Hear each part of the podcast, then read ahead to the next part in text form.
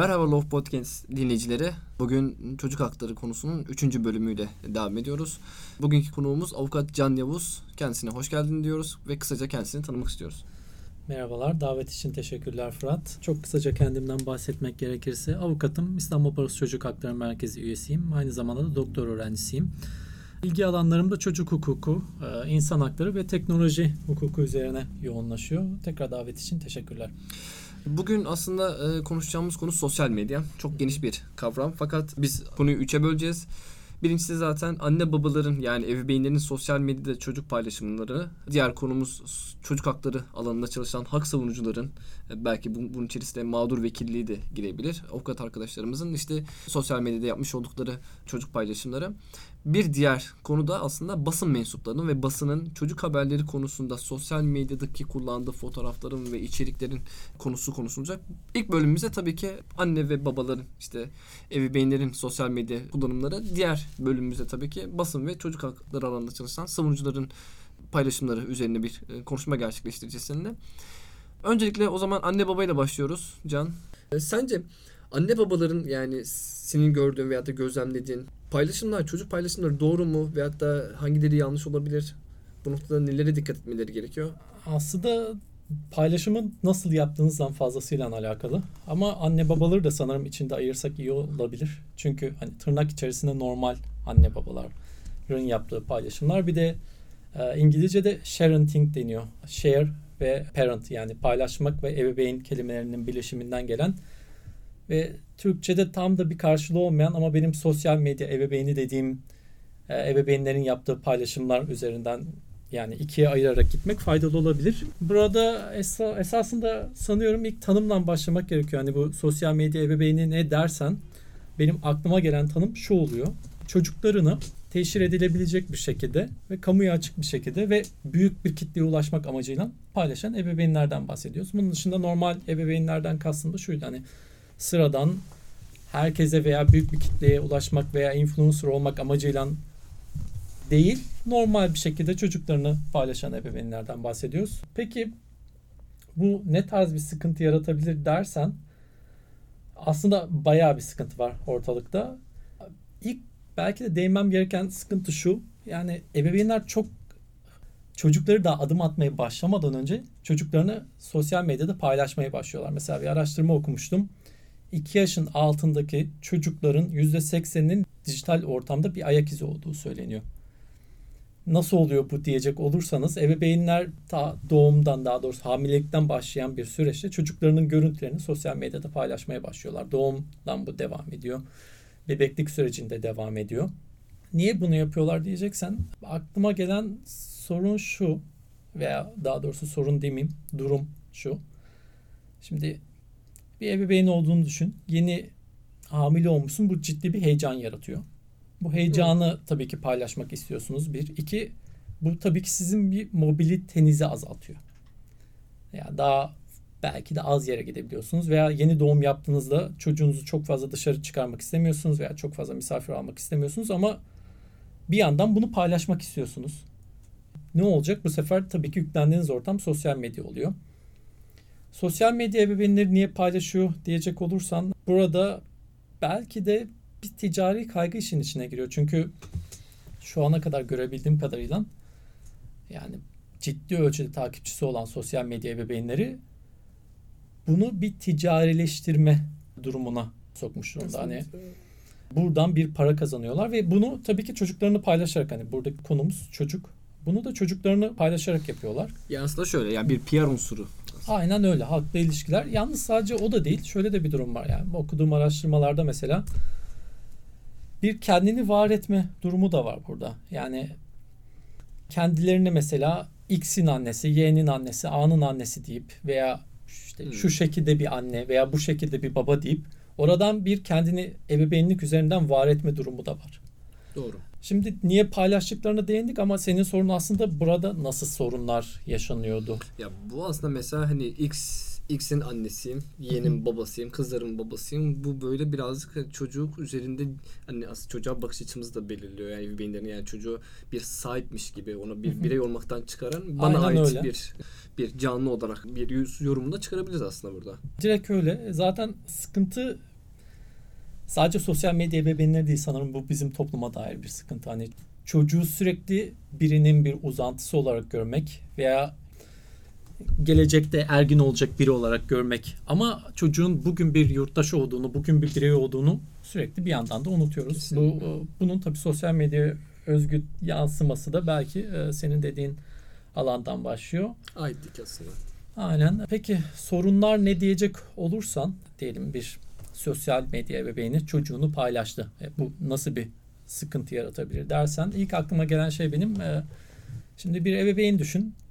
Çocuğunun beğenilebilir, paylaşılabilir bir anını kaydetmek istiyor. E bunu kaydetmek için de ya bir platform arka plan oluşturacak ve çocuğunu onun içine sokacak ki genelde bu nasıl diyeyim çok özenerek bezenerek yapılan bir arka plan çalışması ve çocuğu bir karakter içine oturtmak ya da sürekli elinde bir cep telefonu olacak, akıllı telefon olacak ve bu akıllı telefon üzerinden sürekli çocuğu kaydediyor olacak. Şimdi ikisinde de ciddi sıkıntı var. Çünkü bir elinizde sürekli bir çocuğu kaydetmek ve çocuğun tattığı beğenilebilir bir anını paylaşmak için sürekli elinizde bir telefon olsa bu çocuğu sürekli gözetim altında tutmanız anlamına geliyor. Bu da bir anksiyeteye sebep oluyor çocukta. Doğru. Diğerinde de şöyle hani bir dediğim gibi çocuğu bir model platform içine koymaya çalışırsan da burada da çocuğa bir rol biçiyorsunuz. Çocuğu o rol içinde yer almaya zorluyorsunuz. Ee, bu da çocuğun kişiliği üzerinde belki sıkıntılara yol açabilir. Ya sadece dertler bunlar değil. Mesela örneğin bu ebeveynin başarılı olduğunu düşünelim. Ve binlerce takipçisi olduğu ebeveynin e, sürekli çocuğunu paylaşıyor. Fakat sosyal medya modanın hızlı geçtiği bir mecra. Sürekli tüketim üzerine kurulu. Böyle olunca da çocuk belli bir dönem ciddi bir ilgi görüyor. Fakat çocuğun modası geçtiğinde bu ilgi kayboluyor. Bu ilgi kaybolduktan sonra ne olacağını tam olarak şu an kestiremiyoruz. Çünkü çok yeni bir olgudan Tabii ki bahsediyoruz. mesela bu konuda belki isim vermeyeceğiz tabii ki. Bir iki hafta öncesine kadar bir çocuktan bahsediliyordu. Hı hı. Sosyal medyaya yansıdı. Çocuğun olağanüstü e, özellikleri olduğunu. Aslında bu yine dediğim gibi çocuğa bakış açımızla alakalı. Yani yani çocuğun işte çok fazla kitap okuması toplumda bir ilgi uyandırdı. Toplum için ilginç oldu bu. Ama yani onun bir birey gözüyle bakılmıyor. Onun da kitap okuyabileceğini. Aslında çocuklarda belli bir yöntemdir bu. Yani çocuk bir şekilde kendi varlığını ispatlamaya çalışıyor yetişkinlere karşı. Yani o çok kitap okumasının sebebini de belki bu şekilde de açıklayan e, uzman arkadaşlarımız da oldu. Ama onun yani özelliklerini kitap okuma durumunu mesela olağan dışı bir durummuş gibi topluma lanse edip ve toplumda ve hatta ülkede e, gündeme getirip ve çocuğu tartışılabilecek bir noktaya getirmek çocuğun ifşa edilmesidir ve yani aslında genel anlamda bir istismar kavramıdır. Hı hı. Fakat şu an konuşmuyoruz yani çocuğu. Yani şu an o çocuğa ne oldu? Veyahut da şu an bir anda ilgi çekildikten sonra çocukta dediğim gibi işte bir ruhsal bozukluk söz konusu olabilir mi? Yani benim taşıdığım kaygılar bunlar aslında. Ee, Biraz belki bak çocuk odaklı bakmak da yerinde olabilir. Hani dediğim gibi bu alanda fazla araştırma bulamadım ama okuduğum birkaç makale vardı Türkiye'den de yurt dışından. Genelde böyle araştırmacı gazetecilik ürünü bunlar. Çocuk okulda arkadaşlarıyla birlikte bir etkinlik yapıyor. Sanıyorum pasta pişirme etkinliği gibi bir şeyde. Ondan sonra bu internete düşüyor okulun sayfasında muhtemelen paylaşılıyor. Çocuk bunun internete düştüğünü görüyor ve kendi isminden bahsedildiğini de orada görüyor. Çocuk bunu öğrendikten sonra şöyle bir demeç veriyor bak mesela. Şaşırdım diyor. Gerçekten çok şaşırdım. Beni ünlü hissettirdi. Gazetedeyim deyip gidip yeni arkadaşlar edinmeliyim diye düşündüm diyor çocuk. Ve dahası şöyle bir şey var. Tamam hani ünlü hissettiriyor. Bir de bu çocuk bundan sonra ayda bir kendini Google'da aramaya başlamış. Sadece bir küçük haberden bahsediyoruz bu arada. Tabii bir örnekten bütün olayı çözecek değilim ama bir küçük Gerçekten. haber sonucu çocuk kendini ünlü hissedip ayda bir kendini Google'da arıyor. Bir de şeyi düşün hani sosyal medya ebeveyni sayesinde ünlü olan veya herhangi bir şekilde basının sosyal medyanın odağı olan yani bütün ülkenin belli bir süre konuştuğu bir çocuğu düşün. Acaba o ne hisseder veya bir çalışma yapısı ne çıkar? Gerçekten ben de merak ediyorum ama dediğim gibi bunun çocuğun gelişimi üzerinde sıkıntılar doğuracağı yönünde bir kaygı var. Açıkçası bence Türkiye'de böyle bir çalışma yapılmasının gerektiğini düşünüyorum. Eksiklik de. Hı hı. Yani çünkü e, belli dönemlerde belli çocuklar işte bir şekilde böyle popüler e, olur veya gündeme getirilir. Sonra geri çekilir. Sanırım geçen o iki haftaki önceki olayda o ne diyor herhalde bir çalışma yapmıştı. İşte geçmiş dönemdeki bu şekilde popüler ol- olmuş dönem dönem popüler olmuş çocuklarla röportajlar yapmışlar. Yani şu anki hayatınızda nasıl bir değişiklik oldu falan. Bence bu konuda güzel bir çalışma yapılabilir diye düşünüyorum ben. Hani geçmiş dönemde bir anda böyle e, gündeme gelmiş çocukların işte ülke gündemden bir anda düştükten sonraki süreçlerine ilişkin bir çalışma yapılabilir. Aslında bu mesela o videonun ortaya çıkması sebebi e, yine dediğin gibi yani PR çalışması ve bu noktada çocukların aslında bir PR unsuru olarak görülmesi ve bir e, tabiri caizse takipçi kasmaya yönelik. Yani özellikle son dönemde Türkiye'de mesela belli meslek gruplarında da çok fazla görülüyor. Yani mesela öğretmenler işte diyelim ki doğuda bir güneydoğuda bir okul atandıktan sonraki süreçte işte o bölgede o köyde köy okulu öğretmeni işte çocuğun görmediği bir unsuru çocuğa verip işte onun o, anki sevincini o anki görüntüsünü e, sosyal medyada paylaşıp bunun üzerine bir PR çalışması yapıyorlar. Keza bazı sivil toplum örgütlerinde çok yoğun bir şekilde zaten çocuk fotoğraflarını sosyal medyada e, işte çocuğa verilen bir montu verdikten sonra onu fotoğraflayıp görüntüleyip işte sosyal medya o sevinci veriyor. Bu aslında mesela onlarla görüştüğümüz zaman yani acı gerçeği şunu söylüyor yani diyor ki ya biz üye nasıl iş yapacağız yani bizi nasıl takip edecekler insanlar yani çocukları görmek istiyorlar falan ama mesela o çocuğun ileride yetişkin olabilme ihtimalini biz göz önünde bulundurmuyoruz sanırım. Ya Milli Eğitim Bakanlığı'nın bir genelgesi var direkt bu konuda. Çocuğun kişisel verilerinin paylaşılmasının suç olduğunu, TCK'da bunun düzenlendiğini çok açık bir şekilde yazıp buna göre hareket edilmesi gerektiğini yönelik bir genelgesi var. Ya çocuğun şöyle düşün Fırat. e, tamam paylaşın onu da internetin sanırım biz ne olduğunu çok anlayabilmiş değiliz. Bir şeyi internette paylaştığımız zaman bunun sürekli orada olacağı, sürekli peşinizden takip edebileceği, sürekli başkaları tarafından kolaylıkla kaydedilebileceği ve tekrar paylaşılabileceği ve belki de sonsuza kadar onun orada duracağının ne anlama geldiğini belki bu hocalar veya hatta tüm toplum ve hepimiz çok anlayabilmiş değiliz. Dediğim gibi hani belki o an çocuk bir şeyi ilk kez görüyor, çok gözünde e, değişik bir tepki oluşuyor ama çocuk belki de ileride bunun anılmak istemeyecek ama bunu internetten Evet. kaldırabilecek mi dersen açıkçası bu alanda çalışan biri olarak bunun oldukça zor olduğunu söylüyorum ki bu sosyal medya ebeveynlerinden ayrıca bir dert. Çünkü şöyle düşün paylaşan annen baban seni sosyal medyada. Hatta Türkiye'de bununla ilgili bir dava da vardı. Bir anne sürekli çocuğunu paylaşıyor.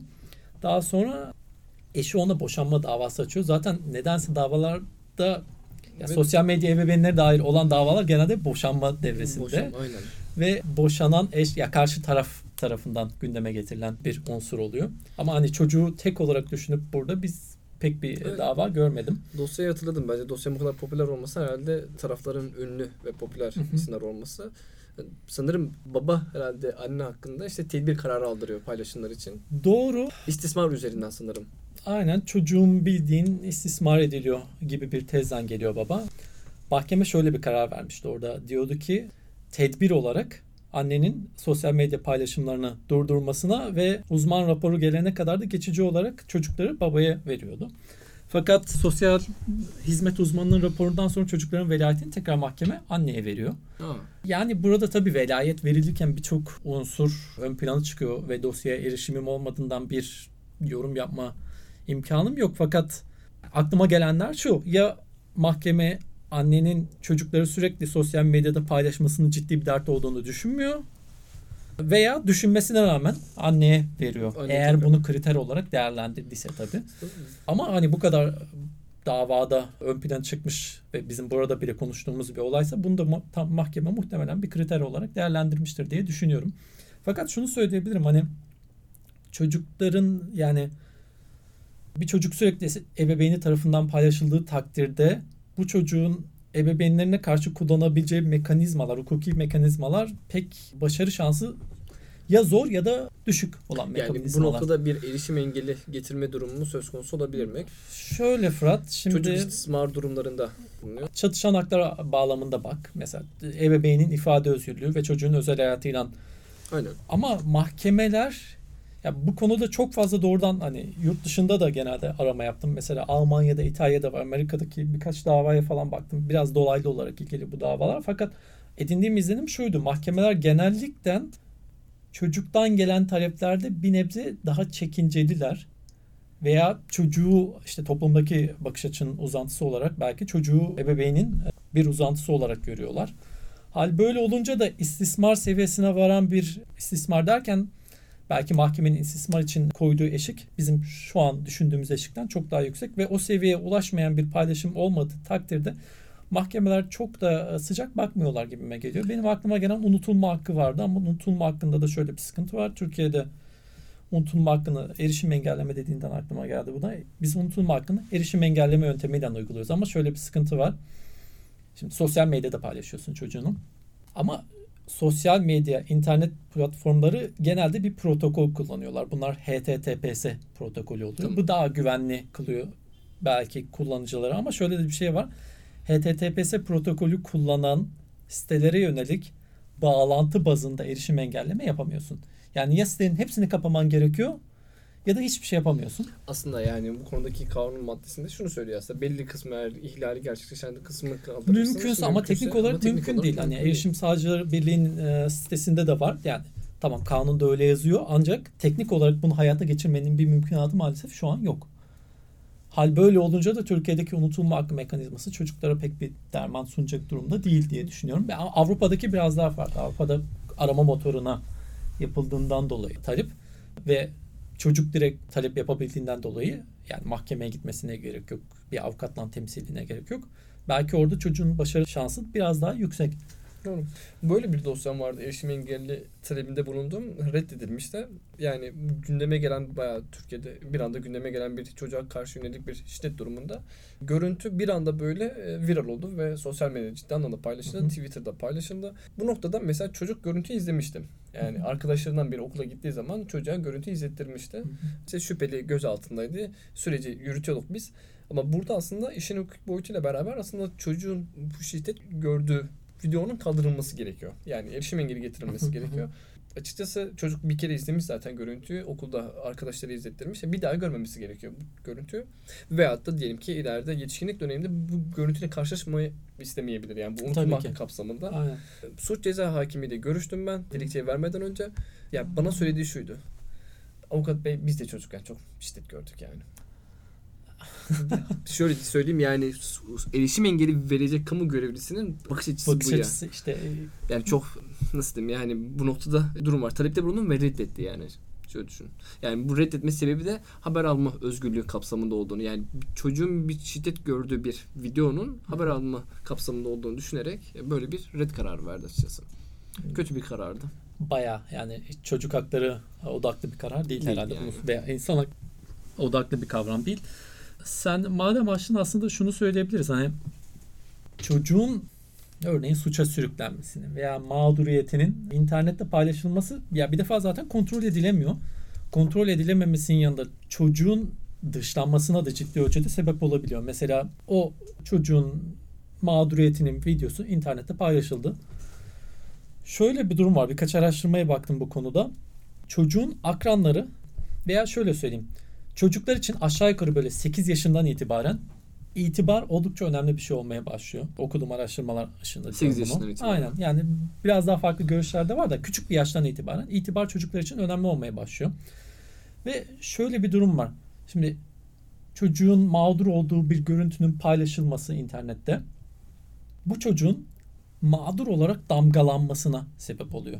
Mağdur olarak damgalanınca da çocuk, çocuğun akranları bu şekilde damgalanan bir çocuk ile ilişkilendirilirsem benim itibarım da zedelenecek deyip o çocuğu dışlamaya başlıyorlar. Böyle olunca da çocuğun bir izol zaten bir mağduriyet yaşıyor çocuk orada. Bir de bu İzole. mağduriyet üzerine arkada akranları tarafından dışlanmaya başlıyor. Bir akran şiddetiyle de karşı karşıya. Aynen. Hal böyle olunca katlanarak giden bir sıkıntı var. Bunun dışında yine çocuğa bir mağdur etiketi yapıştırılması yine okuduğum araştırmalar dışında hani benim uzmanlık alanım değil ama çocuğun zorbalığa maruz kalması ihtimalini de oldukça arttırıyor. Ya bunun dışında şey de var. Mesela işte suç ceza hakiminin herhalde bakış açısı buna benzerdir. Hani mağdur suçlayıcılığı. Bu çocuk bir şey yapmıştır da bunu hak etmiştir. Bu çocuğun başına gelmesi gerekiyordu bu diye. Mağduriyet, mağduriyet. Aynen hani yani şöyle çocuk bir mağduriyet yaşıyor.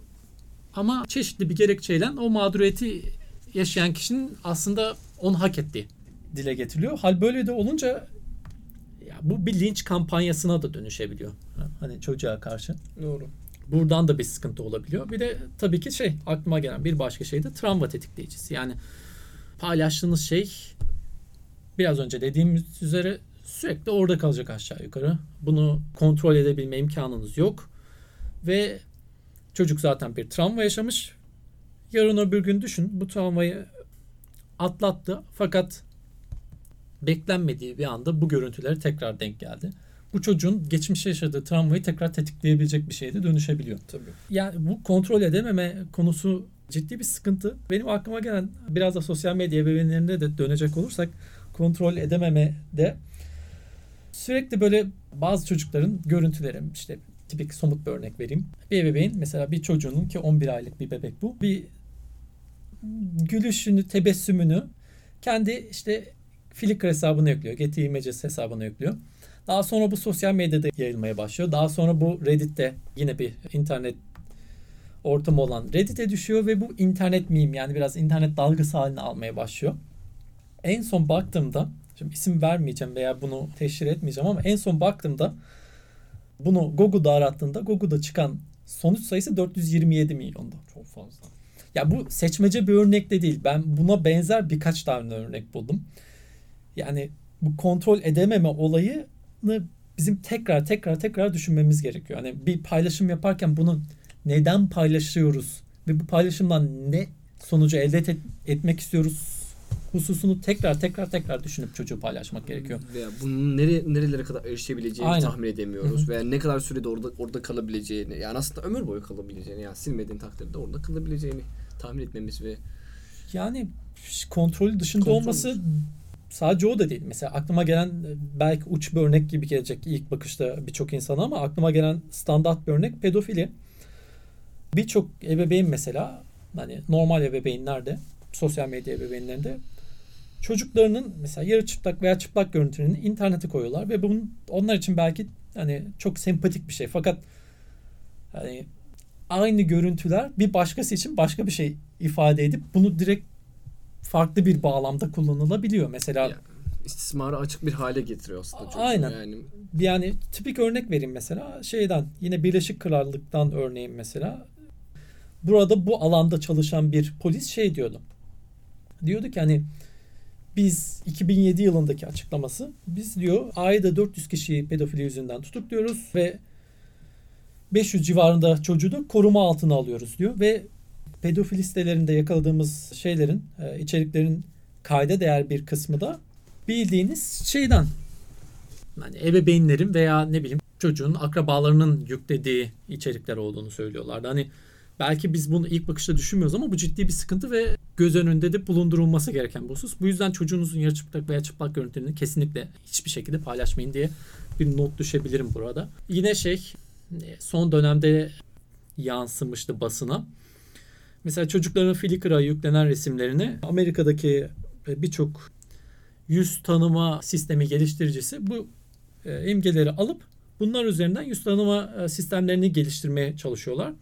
Çünkü hani kolayca erişilebilen, kamuya açık unsurlar bunlar ve hal böyle de olunca bu onlar için bir veri tabanı oluyor. Bir de şunu da düşünmek lazım. Mesela 13 yaş altındaki çocukları dair yüz tanıma sistemleri 13 yaş altındaki çocukları tanımlarken biraz daha zorlanıyorlar. Yani siz çocuğunuzu paylaşmak için oraya koyuyorsunuz ama bu bir ticari şirketin bir ticari yazılımını e, geliştirmek için de kullanılabiliyor Evet. diye not düşeyim yani.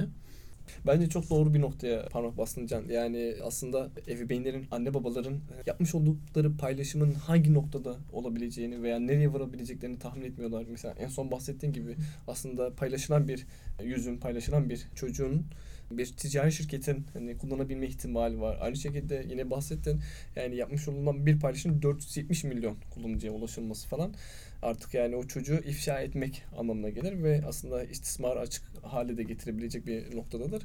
Ve uzun zamanla ve ömür boyu da orada kalabileceğini tahmin edemediği için ebeveynin aslında kısmen yanlış bir sosyal medya kullanıcısı haline geliyor ve çocuk ve bunu da çocuk üzerinden gerçekleştirmeye çalışıyor. Bugünkü konumuz dediğim gibi zaten Can Yavuz'un belirttiği gibi anne babaların sosyal medya kullanımı üzerine, çocuk paylaşımları üzerine. Bugünkü programımızı kapatmadan önce tekrardan bir söz hakkı veriyorum. Belki özetler nitelikli bir birkaç cümle söyleyebilirsin bize Can. Ya diyeceğim şey şu aslında. Gerek normal ebeveynler gerek e, sosyal medya ebeveyni olarak tanımladığım ebeveynler çocuklarını paylaşırken internette bir dediğin üzere bunun nereye gidebileceğini bilmiyorlar. İki ortaya çıkabilecek ve çocuğun gelişimi üzerinde ulaşabilecek olumsuz etkilere dair yeterince bilgi sahibi değiller. Toplumda da bu konuda yeterince belki bir duyarlılık yok. Bu bakımdan hepimize bir görev düşüyor diye düşünüyorum. Çünkü hukuk yoluna başvurarak bununla mücadele etmek çok da kolay değil. Belki de sivil toplum, akademi, barolar ve ebeveynler ve devletin ilgili kurumları, aile özellikle ile ilgili kurumlardan bir inisiyatif alması gerektiğini söyleyebilirim. Ee, sorunlar bakımından çok kısa özet geçmek gerekirse çocukta gözetim anksiyetesi veya çocuğun modasının geçmesinden sonra ne olacağı bu çocuğa veya çocuğu paylaşımı kontrol edememek, pedofiliye varacak ölçüde farklı mecralarda çocuğun tekrar paylaşılması gibi sorunlar düşünüldüğünde paylaşım yapılırken çocuğa dair paylaşım yapılırken birkaç kez düşünülmesi gerektiğini söyleyerek sonlandırayım ben en iyisi. Bizler de sana çok teşekkür ederiz Can. Bugünkü e, anne babaların sosyal medya paylaşımları üzerine olan programımızı bitiriyoruz. Gelecek programımız çocuk alanında çalışan hak savunucuların çocuk paylaşımları ve bununla beraber basının çocuk haberciliği noktada nelere dikkat etmesi gerektiği noktasında yine tekrardan Can'la bir program gerçekleştireceğiz. Bizleri dinlediğiniz için çok teşekkür ederiz. Gelecek programda görüşmek dileğiyle.